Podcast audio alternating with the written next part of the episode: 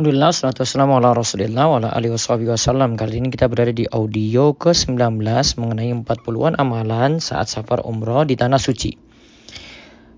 Lakukanlah umroh berulang kali. Walaupun itu sekali safar. Di sini alasannya karena orang yang berumroh boleh menunaikan umroh lebih dari sekali dalam sekali safar, baik berumroh untuk dirinya sendiri ataukah untuk orang tuanya yang sakitnya tak kunjung sembuh, yang tidak mampu berumroh. Namun, Ingat, syaratnya yang mengumrohkan harus sudah berumroh untuk dirinya sendiri. Bahkan mengulangi umroh ini termasuk dalam fadilah amal. Keutamaan beramal, masuk amalan utama karena Rasulullah Shallallahu alaihi wasallam telah bersabda, Al-umratu ila al-umrati kafaratun lima bainahuma. Umrah ke umrah itu menghapus dosa di antara keduanya. Hadis riwayat Muslim.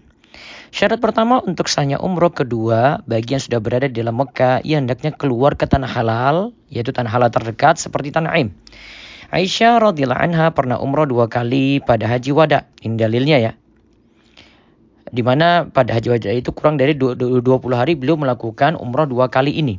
Umroh pertama yaitu berangkat dari Madinah, umroh kedua adalah berihram dari tanah Aim sebagaimana diperintahkan oleh Rasulullah sallallahu alaihi wasallam dalam hadis berikut ini an Aisyah radhiyallahu anha anna Nabiyya sallallahu alaihi wasallam ba'asa ma'aha Abdurrahman fa'amaraha minat tan'im mutafaqun alaih dari Aisyah radhiyallahu anha Nabi sallallahu alaihi wasallam mengutus bersamanya saudaranya Abdurrahman ia diperintahkan berumrah dari Tan'im Imam Nawawi rahimahullah berkata, jika seorang tinggal di Mekah atau singgah di Mekah, lantas berkeinginan untuk umroh, umroh lagi ya.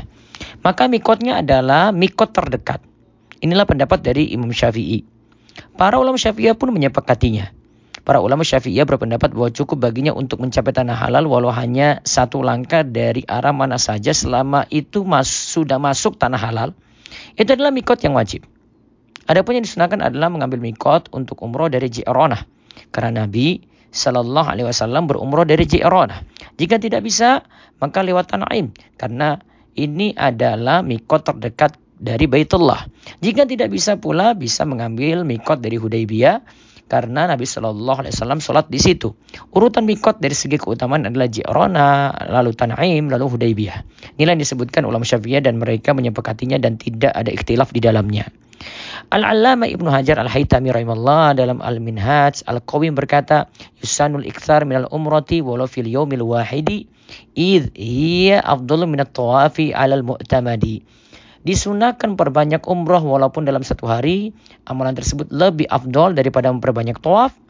Demikian pendapat mu'tamad, pendapat resmi dalam mazhab Syafi'i. Dan ulama lainnya sejatinya yang mendukung juga pendapat ini boleh berumroh berulang kali dalam sekali safar adalah Syekh Abdul Aziz bin Bas. Ya sebagaimana dalam fatwanya beliau menyebutkan demikian. Semoga dipahami dan Allah memudahkan kita dalam ibadah.